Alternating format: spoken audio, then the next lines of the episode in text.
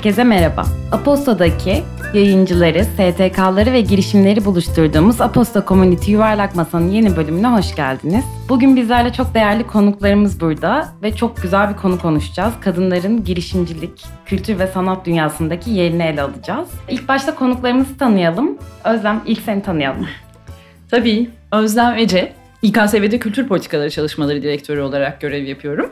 Siyaset bilimi ve kamu yönetimi kökenliyim. Sonra kültür yönetimi ve politikalar alanında uzmanlaşmayı tercih ettim. İşte 2008 yılından bu yana da İKSV'de böyle bir pozisyonda kültüre erişim ve katılımı odağı alan çalışmalar yürüten bir departmanın direktörüyüm. Hoş geldiniz. Hoş bulduk. Itır seni duyalım mı biraz? Merhaba, burada olmak çok güzel. Itır benim ismim de. Bilgi Üniversitesi'nde öğretim üyesiyim. Toplumsal cinsiyet, ayrımcılık, insan hakları gibi alanlarda özellikle dersler veriyorum. Araştırmalar yapıyorum. Sosyal girişimci şapkam da var. Çok sayıda sivil toplum kuruluşuyla çalışıyorum bu bağlamda. Bir yandan da kültür sanat ekosisteminin içinde de farklı şapkalarla var olmaya çalışıyorum. Siz de hoş geldiniz. Hoş bulduk. Ve Sinem, seni duyalım biraz. Ben Sinem, Aposto ekibindenim diyebilirim. Yaklaşık iki buçuk senedir Aposto ile uğraşıyorum. Aposto'da farklı farklı şapkalarım var. Bugün de aslında Aposto'daki daha C-level şapkamla buradayım. Ama bir yandan da şey çok heyecanlı itiraf etmem gerekirse. Hacer'le biz ilk bu yuvarlak masayı beraber kurgulamıştık ve bugüne kadar hiç aslında konuk olmadım. Hep arka tarafındaydım. Bugün burada olmak gerçekten ve sizlerle olmak çok heyecanlı. Hoş geldiniz, hoş geldik.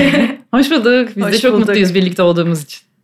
Hoş geldiniz tekrardan. Sinem ben de çok mutluyum burada olduğun için cidden. Her zaman o arkadaki yoğunluğumuzun sonunda bir yuvarlak masada buluşabildik yüz yüze.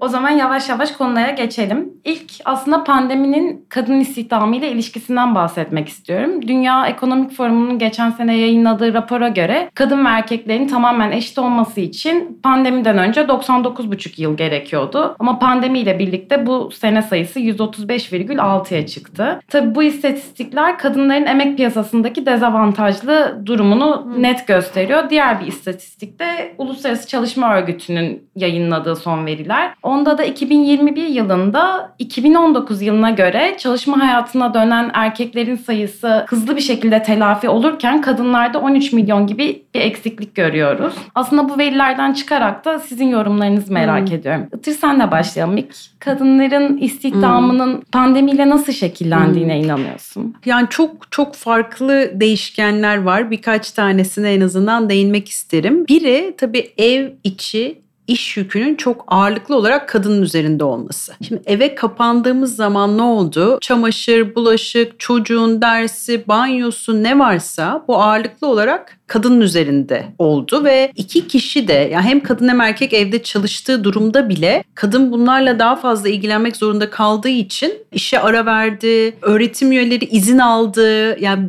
birebir ben kendi ortamımda da bunu deneyimledim. Çok enteresan bir başka bulgu vardı. Evin daha konforlu yerinde erkekler oturmuş mesela. Yani iki kişi de masa başında bilgisayarın önünde çalıştığı durumlarda güzel bir eğer çalışma odası varsa erkek oraya oturmuş kadın böyle evin en orta yerinde yani salonda mutfakta. O yüzden hani işe ayrılan zaman enerji çok düştü. Bir nedeni bu ve bu yüzden de işi bırakma arttı. Bir de kadınların istihdam edildiği sektörlere bakarsak çok fazla hizmet sektöründe kadın olduğunu görüyoruz. Güvencesiz çalışan çok fazla kadın var. Pandemi en sert onları etkilediği için tabii istihdamdan düşenlerin büyük bir kısmı bu nedenle de kadın oldu. Peki Özlem buradan da sana şunu sorayım. Bu ekonomik uzun vadeli etkilerin kadınların finansal bağımlılık ve özgürlüklerine nasıl yansıdığını düşünüyorsun?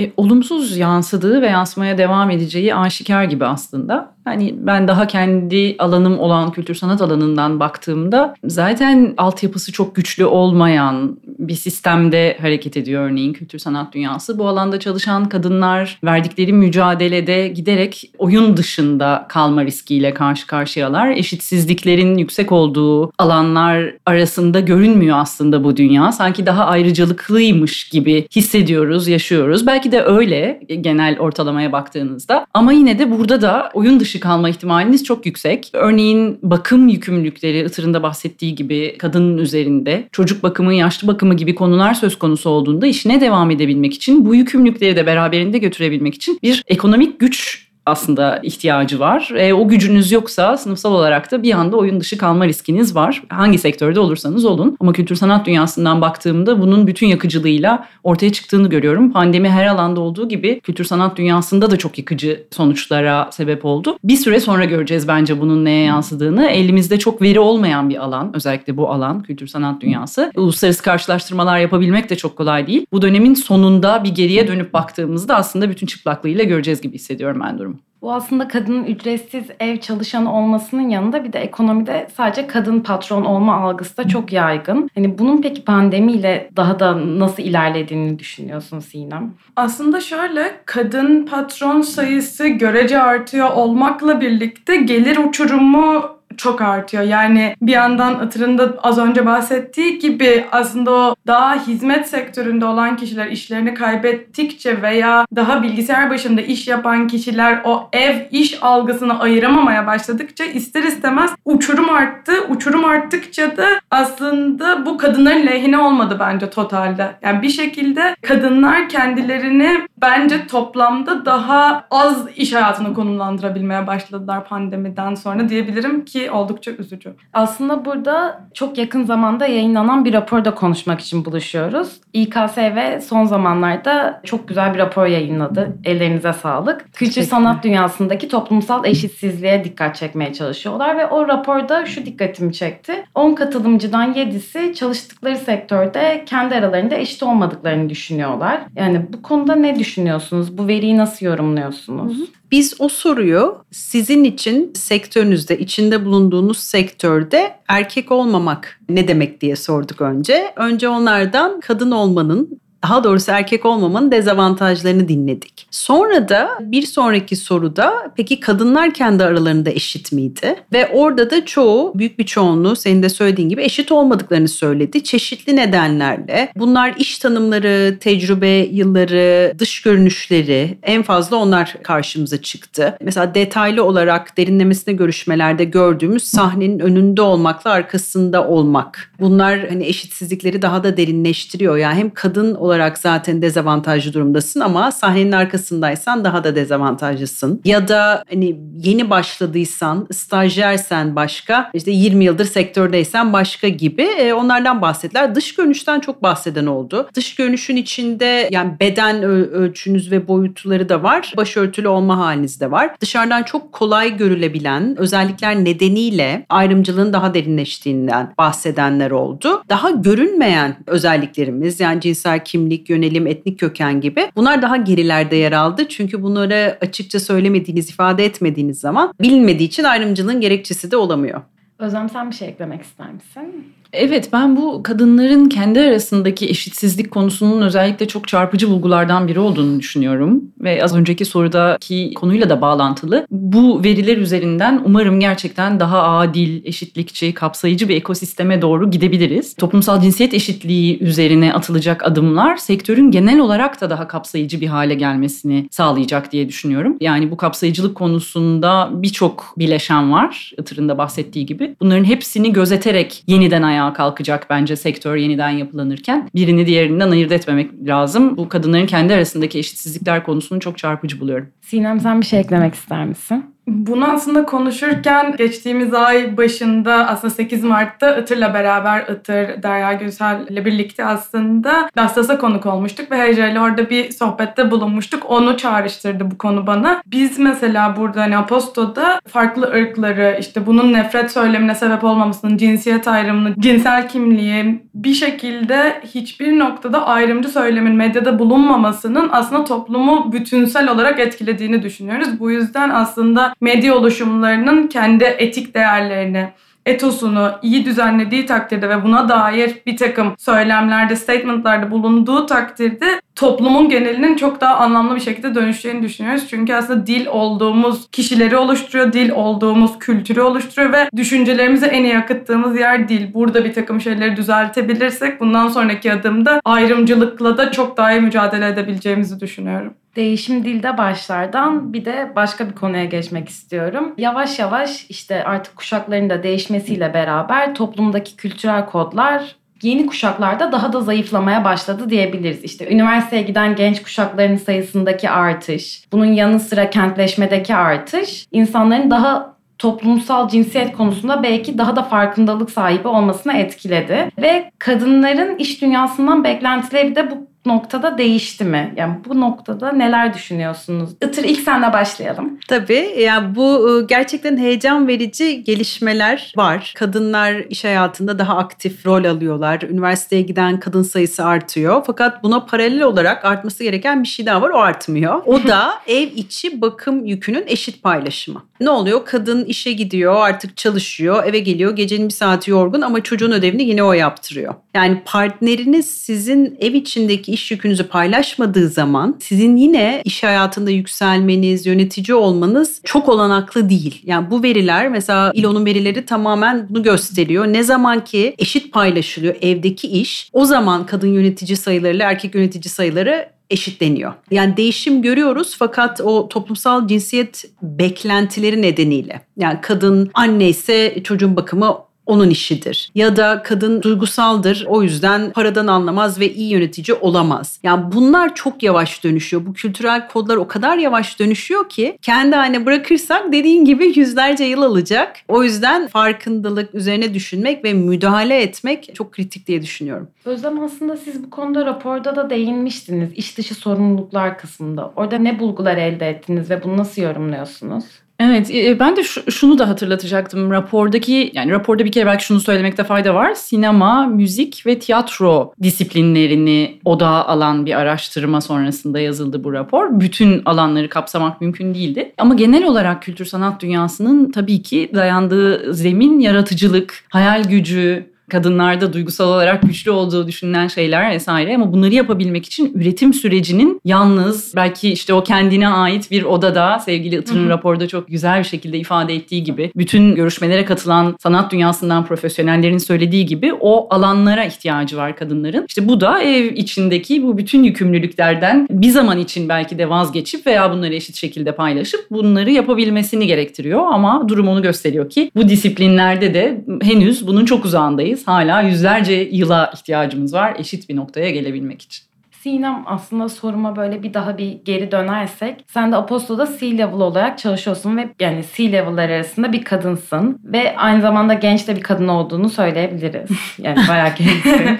Tebrik ederiz. Sen bu kültürel kodların genç kuşaklarda ne şekilde değiştiğini düşünüyorsun? Neler gözlemledin? Şimdi aslında buna iki farklı yerden bakabiliriz. Bir genç olduğum halde etrafımda olan diğer beraber çalıştığım insanların bu konuya olan bakış açısına bakabiliriz. Bir de diğer dışarı partilerle olan Apostol'un ilişkilerine bakabiliriz. İkinciden başlamak istiyorum. İkincide durumlar aslında çok uzun zaman yani yaklaşık bir yıl iki yıldır biz bunu yapıyoruz ve aslında farklı farklı hem cinsiyet açısından hem de kadın olmak ve genç bir kadın olduğunda aslında masalar çok kolay yerler olmuyorlar. Çünkü ilk önce bir aslında hani benim belki o insanla 10 yıllık 12 yıllık benzer bir tecrübem var. Onun da aynı şekilde 10 yıllık 12 yıllık bir tecrübesi var ama o erkek ve başka bir birey olduğu için dışarı partilerden bahsediyorum burada. Bir üstenci dil kullanılabiliyor veya orada hani er bilmişliğe yer verilebiliyor. Bunu ilk etaplarda ben ilk başladığım, iş hayatına da başladığım yıllarda bunun sanki sineye çekilmesi gereken bir şey. Sanki olması gereken şey bu ve o benden daha çok şey biliyor gibi bir yerden bakıyordum. Sonra dönüp baktığımda aslında yıllar geçtikçe buna bir sınır çizmeye başladım. Hayır. Yani aslında bunu açıkça ifade ettiğinde hayır benim de benzer bir yerdeyiz. Biz seninle aynı yerdeyiz ve aynı dili konuşuyoruz ve aynı konu üzerine beraber tartışabiliriz demem gerekiyor. Ve bunu demeye başladıkça bunu bir hareketle diyebilirim, direkt olarak diyebilirim. Ölüm sessizliğine gömülebilirim bu hareket geldiğinde ve ondan aslında bir şekilde çok hızlı bir şekilde o hareketin değiştiğini görüyorum. Öte yandan ekip içine döndüğümüzde biz genç bir ekibiz ve genç bir ekip olduğumuz için de genç eğitimli, farklı kültürlere aşina bir ekip olduğumuz için aslında kendi içimizde hiçbir zaman için böyle bir ayrımcılık veya başka bir şeyle hiçbir gün karşılaşmıyoruz. Hatta hani çalışma kültürümüzde bu yok. Çalışma kültürümüz tamamıyla cooperation, birbiriyle beraber çalışmak, birbirinden öğrenmek üzerine kurgulandığı için hiçbir gün ekipte böyle bir şey yani yaşamıyoruz ve yaşanmaması için de elimizden geleni yapıyoruz. Örneğin hani ifadelerimizde çok daha gender neutral bir yerden konuşuyoruz. Çok daha cinsiyet yani zaten medyayla uğraştığımız ve az önce dilden bahsettiğim gibi birbirimizle bunu konuşarak aslında ilk çarkı döndürdüğümüzü düşünüyorum. Gibi iki yerden sana bir cevap verebilirim. Çok teşekkürler. Otursan bir şey eklemek Ee, ister misin? ona çok küçük bir şey ekleyeceğim. Rapordaki bulguda Sinem'in söylediğine çok benzer bizim de sonuçlarımız var. Kadınlar e, ciddiye alınmak için çok daha fazla çaba harcadıklarını söylediler. Yani yetkinlikleri daha fazla olduğu durumlarda bile ben bu işi biliyorum aslında anlıyorum diye kendilerini ispatlamak zorunda hissettiklerini ve erkeklere olanla çok daha fazla efor, zaman harcamaları hatta kim zaman para bile harcadıklarını söylediler. Yani sürekli bir böyle neredeyse akıntıya kürek çeken bir biçimde kendini ispatlamak zorunda bırakıldıklarını senin söylediğine de çok güzel örtüşüyor onun için eklemek istedim. Ben de böyle geçen sene bir araştırma okumuştum. Orada bir toplantı odasında kadın ve erkek eşit sayıda. Yani bunu çok uzun süre test ediyorlar. Ve her seferinde kadınların o toplantı boyunca konuşma dakikaları erkeklerin yarısından bile daha az oluyor. Yani izin de verilmiyor bir şekilde. Duyulmuyoruz gibi de söyleyebilirim. Evet yani bir kere kadınla erkeklerin eşit sayıda olması toplantıda bile kendi başına bir hani artı hanesine hala yazılıyor olması sene 2022 bazen beni umutsuzluğa sürüklüyor açıkçası. Biliyorsunuz bunun takibi yapılıyor şimdi böyle kadınsız toplantılar, kadınsız paneller, akademik dünyadaki bütün bu işleri takip eden arkadaşlarımız var. Çok önemli yani bunların farkında olmak veya kültür sanat dünyasından bakalım. İşte line-up'ında kadın sanatçıların olmadığı işte festival programları falan ama bir yandan da iyi şeyler de oluyor. Yani onu da belki söylemek söylemekte fayda var. İşte mesela İstanbul Jazz Festivali bir Key Change adlı bir programa katıldı geçen yıldan bu yana. İşte festival programındaki kadın sanatçıların işte eşit oranda olması üzerine global bir hareket. İşte burada da festival dahil oldu. Örneğin İstanbul Bienali'nin sanatçılarının ve küratörlerinin %55'inin kadın olduğu hep tarihi boyunca mesela paylaşıldı. Bu uluslararası raporlara da girdi filan. Türkiye'den hep böyle kötü haberlerin gittiği bir dönemde bunlar iyi haber ve iyi örnek gibi bizi mutlu ediyor. Artması için de göstermeye devam etmek lazım. Bir yandan da bunları konuştukça şu an bu masada bile aslında bununla ilgili artı bir şey yapıyoruz bence.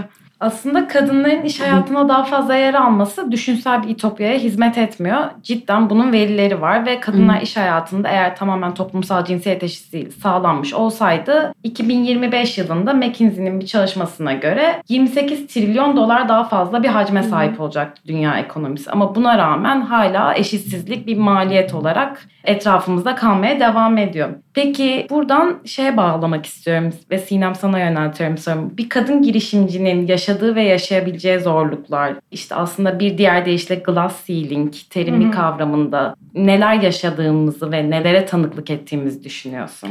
Aslında şöyle bunu hani güncel olarak şu an Türkiye'de Galata'da yaşanılan şeyleri de anlatabiliriz ve konuşabiliriz ama bence burada hani sadece Türkiye'de bunu yaşıyoruz coğrafya kadar buralardan çıkıp birazcık da bunun dünya genelinde bir problem olduğunu kabul etmemiz gerektiğini düşünüyorum ve bununla olan perspektifimizi buraya doğru yönlendirirsek hem daha çok hani kadın lider sayısının artabileceğini düşünüyorum hem de bir şekilde perspektifimizin değişmesinin bize fayda sağlayacağını düşünüyorum. Şöyle aslında kadınların kendilerine de yaptıkları bir takım şeyler var. Yani bir kavram var biliyorsunuzdur. Hani don't live before you live. Aslında kadınların büyük bir kısmı yönetim seviyesine gelmeden önce bile bırakmayı, pes etmeyi ve kariyerlerinde yükselmemeyi kabul ediyorlar. Yani bir anlamda oldukları pozisyonda kalıp hırsız ve daha itaatkar bir yerden kendilerine yaklaşıyorlar ve kendilerini aslında küçümsüyorlar. Bu tabii ki toplumsal baskıyla birlikte de geliyor ama aslında kendi full potansiyellerini ortaya çıkarmıyorlar ve bu çok üzücü aslında kendi potansiyellerini senin de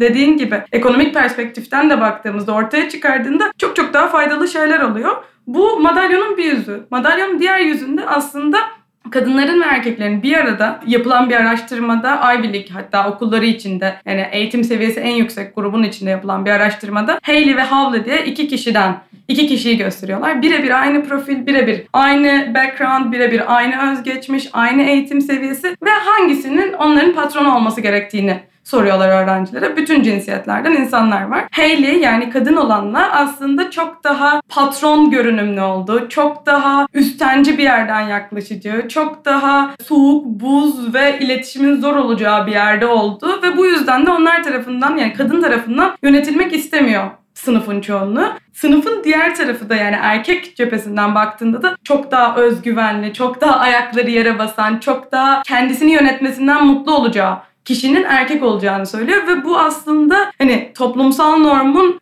en iyi somutlandığı deneylerden biri bence. Dolayısıyla toplum böyle düşündüğünde aslında bu yöneticilere karar veren kişilerin de karar mekanizmasında etkili oluyor. Ama aslında kadınlar çok daha yönetmeye uygun, çok daha duygusal zekası yüksek olan, karşısındaki insanı anlayıp ona göre uygun işleri ve iş dağılımını verebilecek bireyler ve burada çok daha aslında kapsayıcı bir yere gittikçe ve kurumlardaki kişi sayıları arttıkça yaşından ve cinsiyetinden bağımsız olarak ben çok daha bu glass ceiling'in gün be gün azalacağını yani daha doğrusu yok olacağını düşünüyorum diyebilirim. Bu glass ceiling kavramına bir de kültür sanat tarafından bakarsak siz ne gibi zorluklar yaşandığını raporda tespit ettiniz ve aynı zamanda bu zorluklar karşısında kadınlar ne gibi aksiyonlar alıyordu? Özlem senle başlayalım. Tabii. Sevgili Itır'ın çok güzel ifade ettiği şeyler var raporda. Yani bir kere kadınlar çok daha erken yaşlanıyorlar tırnak içinde. Cinsiyetsiz hale geliyorlar. Bir takım şeylerden feragat etmek durumunda kalıyorlar. Bu da onları oyun dışında bırakıyor aslına bakarsak. Bu bir gerçeklik. Onun dışında kurumsal bir yerden baktığımızda da aynı şeyler burada sevgisinin bahsettikleri kültür sanat dünyası için de geçerli. Yine dediğim gibi yani yaratıcılığa dayanan, özgür düşünceye, hayal gücüne dayanan bir ortamda sanat disiplinlerinin içinde üretmeye yapmaya devam etmek için. Üstelik de hiyerarşisiz olmayan yani işte o setlerde veya o işte zaten zor koşullarda çalışan alanlarda oldukları yerde daha ileriye gitmek için hep ödün vermek zorunda kalıyorlar. Ama hani mücadeleye devam etmek gerekiyor ve bu topyekün bir mücadele. Bir tarafından tutup çektiğimizde çözülmeyecek. Çok topyekün bir dönüşüm arıyoruz, değişim arıyoruz. Bireyde başlayıp bulunduğumuz topluluğa, sonra kurumlara ve içinde bulunduğumuz sektöre uzanan topyekün bir mücadele gerekiyor diye düşünüyorum. Aslında biraz önce dediğimden yani bu kişisel bir merak sadece. Hı. E, sizin raporunuzda okumuştum. Kadınların işte kültür ve sanat dünyasında daha erken yaşlandırıldığı erkeklere göre. Yani bu hangi mantıkla ve neden hmm. Daha erken yaşlandırılmaktan çok aynı yaşta iki kişi düşün. 40 yaşında bir kadın ve bir erkek. Şimdi 40 yaşında bir erkeğe çok daha yani yaygın olarak romantik rol teklifleri gelebiliyor mesela ve yanında 20'li 30'lu yaşlarda bir kadınla bir romantik filmde oynuyor. Kadın 40 yaşına geldiği anda artık böyle anne, ondan sonra 50'sinde anneanne rolleri falan ve işte romantizmden, cinsellikten böyle arınmış bir halde çok daha hızlı o rollere geçiyor. Yani aynı yaşta olduğu olduğunuzda da siz tırnak içinde daha erken yaşlanıyorsunuz ve cinsiyetsiz bir hale geliyorsunuz. Özellikle ekranın önündeyseniz yani bu sinema sektöründe de böyle, müzikte de böyle eğer siz kameranın önünde görünen bir yerdeyseniz yani genç olmadığınız düşündüğü yaştan itibaren oyun dışı kalma ihtimaliniz erkeklere göre çok daha fazla. Evet ben de bir yine yakın zamanda dinlediğimiz bir örnek üzerinden aslında katkıda bulunmak istedim. Yaratıcı alanda eşitlik diye sevgili Yatır'ın da konuşmacı olduğu bir panel düzenledik. Orada da moderasyonu sevgili Duygu Demirdağ üstlenmişti. Medyadaki kadının durumu üzerinden bu konuyu o da ele aldığında düşünelim hep beraber. Yani ana haber bültenlerindeki kadın erkek oranlarına bakalım. Kadınların yaş ve profiliyle erkeklerin yaşlarına ve durumlarına bakalım. Ne kadar uzun süre orada olmaya devam ettiklerine ve yaş aldıkça erkeklerin ekrandaki aslında görünüm görünürlüklerinin hem arttığına hem de yani daha da böyle güven telkin ettiğine inanıldığı bir ortamdayız. Halbuki kadınlar için genç, tırnak içinde bakımlı, güzel olmak oradaki tek kriter gibi. Yani işte bu kültürel kodlar medyada da böyle, kültür sanat dünyasında da böyle. İşte Atır bahsettiği gibi yani bu işte dizi sektöründe, sinemada aldığı rollerde böyleyken ekranın önünde işte medyada da başka biçimlerde sirayet ediyor. Bir de şunu da sormak istiyorum. Peki kadınların bu eşitsizlik tutum ve davranışlarına karşı nasıl aksiyonlar aldığını tespit ettiniz ve nasıl yorumluyorsunuz diye hmm. senle başlasak. Yani buna tepki veriyor artık. Hollywood oyuncularından tepkiler başladı. Yani açık bir şekilde bunu ifade ediyorlar. Çok erken yaşlandırıldıklarını, cinsiyetsiz artık olarak konumlandırıldıklarını. Bizde de yani bizim o Duygu'yla yaptığımız panelde Duygu söyledi hani yaşla dedi tecrübe kazanıyorsun. Bu harika bir şey. Ama tecrübe kazandığın zaman sen sistem dışı oluyorsun. Yaşlanıyorsun artık git botoksunu yaptır işte ameliyat ol diye. Üzerinde sürekli bu baskı hissediyorsun. Çözüm bence bunu ifade etmek, yüksek sesle bunu konuşmak ve konuşulmaya başlandı. Tepki vermeye başladı kadınlar. Böyle böyle de değişeceğini düşünüyorum. Sinem sen bir şey eklemek ister misin? Yok konuşmaya ve ben umutlu olmaya devam etmek istiyorum açıkçası. Çünkü en iyi çözümün bu olduğunu düşünüyorum. O zaman biraz daha çözümden konuşalım diyorum. Kadınların aslında istihdama tam katılamaması anayasal bir hakları olan çalışma hakkını ve erkeklerle eşit istihdam hakkını tam kullanamamalarına yol açıyor. Ve tam kullanamadıklarından dolayı da istihdam oranı düşüyor ve bu bir döngü halinde devam ediyor. Yani siz bunun önüne geçilebilmesi için neler yapılması gerektiğini düşünüyorsunuz? Özlem senle başlayalım mı? Tabii. Yani ben ha- hala önce bireyde başladığına inanıyorum. Yani bu kurumlar, çalışma hayatını oluşturan işte yapılar filan da insanlardan ibaret. Ben bu raporun araştırma sürecinde de çok şey öğrendim. Ben öğrendiğim için bulunduğum kurumda dönüşümü talep ettim. Ben talep ettiğim için aslında bu konuda yeni politikalar geliştirildi ve bunu takip etmeye devam edeceğim. Bu bireysel düzeyde yapılabilecek bir şey ama her bireyin de bulunduğu ortamda bunu yapabilecek gücü var. Ben bu güce çok inanıyorum. Biz işte sistemin içinde böyle delik açabiliriz diye düşünüyorum. Ama tabii ki yani bu kurumsal politikaların işte yazılması, sonra takip edilmesi, uygulama sürecinde izleme değerlendirme yapılması, iyi örneklerin oluşması, bu iyi örneklerin bulunulan sektörde diğer paydaşlarla paylaşılması ve o topyekün değişimin talep edilmesi gerekiyor. Bu bir uzun soluklu bir mücadele. Bunun farkına varmak lazım. Gidecek birkaç yıl, yüz yılımız olduğunu da düşünürsek yapılacak çok şey var. Yani küçük bir adımla başlayıp sonra da o uzun yolculuğu adım adım stratejik olarak planlamak lazım. İşte eğitimler, farkındalık programları, fon mekanizmaları, kapsayıcı politikaların geliştirilmesi, bunların daha paydaşlar arasında örneğin yine kültür sanattan hadi örnek verelim. Kültür kurumlarıyla yerel yönetimlerin, merkezi otoritelerin bir arada çalışması, sivil toplum kuruluşlarının bilgi birikiminin veya bu alandaki akademisyenlerin, uzmanların, aktivistlerin hatta deneyiminin bu kurumlara yansıtılması, işte kurumların danışmanlık alması, bizimki gibi 50 yıllık bir kültür kurumu bile bu rapor vesilesiyle toplumsal cinsiyet ve fırsat eşitliği politikasını gözden geçirip yayınlama cesaretini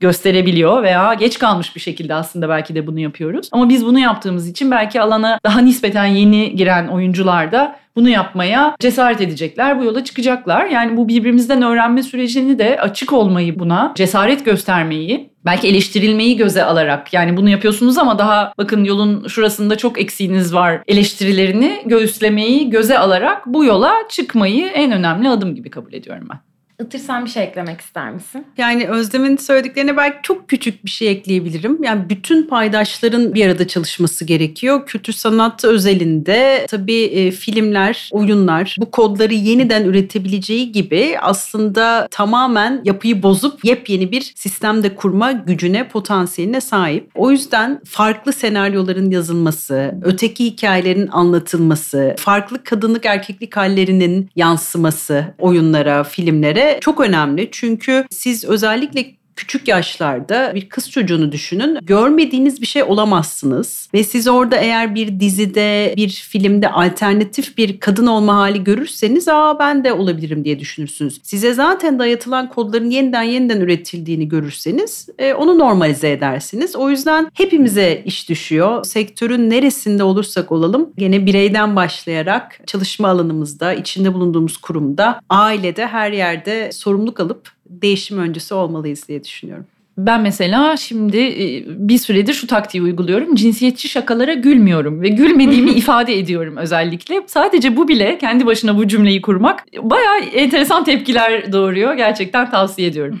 Buradan da şeye geçmek istiyorum. İKSV geçen sene ekolojiyle ilgili bir rapor yayınlamıştı. Bu sene daha toplumsal cinsiyet eşitsizliğine değindiniz. Biraz önce de bahsettik ya sadece bireylerin bir şey yapmasıyla bu değişmeyecek. Yani sistemdeki tüm paydaşların bir şey yapması gerekiyor. Bunu bu bağlamda İKSV'nin geçen seneki ve bu seneki raporuyla değerlendirirsek ne düşünüyorsunuz bu konuda diyeyim?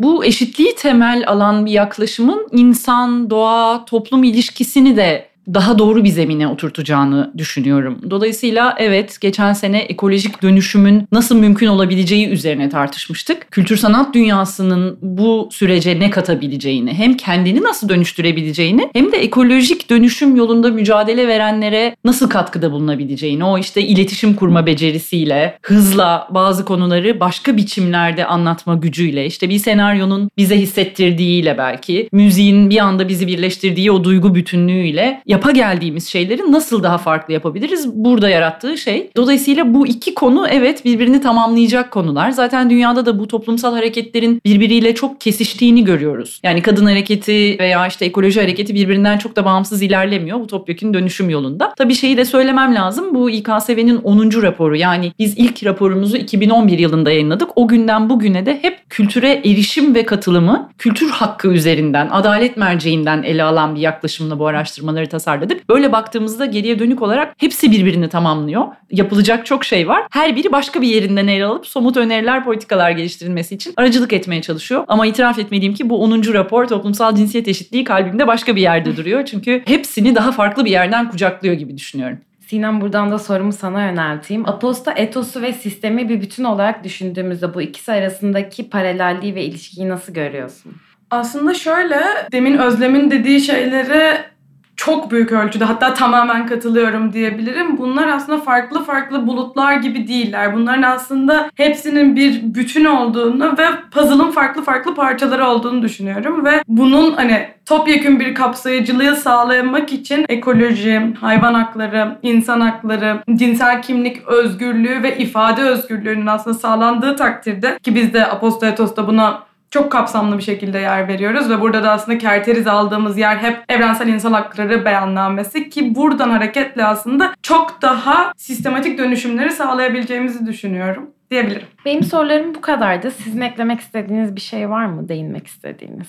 Yani son olarak biz de size çok teşekkür etmek istiyoruz. Çünkü dönüşüm ancak konuşarak olacak, paylaşarak, konuşarak heyecanı, endişeleri ve çözümleri. O yüzden çok teşekkür ederiz bu fırsatı verdiğiniz için, birlikte konuştuğumuz için. Biz çok teşekkür ederiz buraya gelip bu konuda sesimizi yükseltmemize yardımcı olduğunuz için. Çok keyifli bir sohbetti. Bir daha bekleriz. Bizim için de çok keyifliydi. Çok teşekkürler tekrar davetiniz için.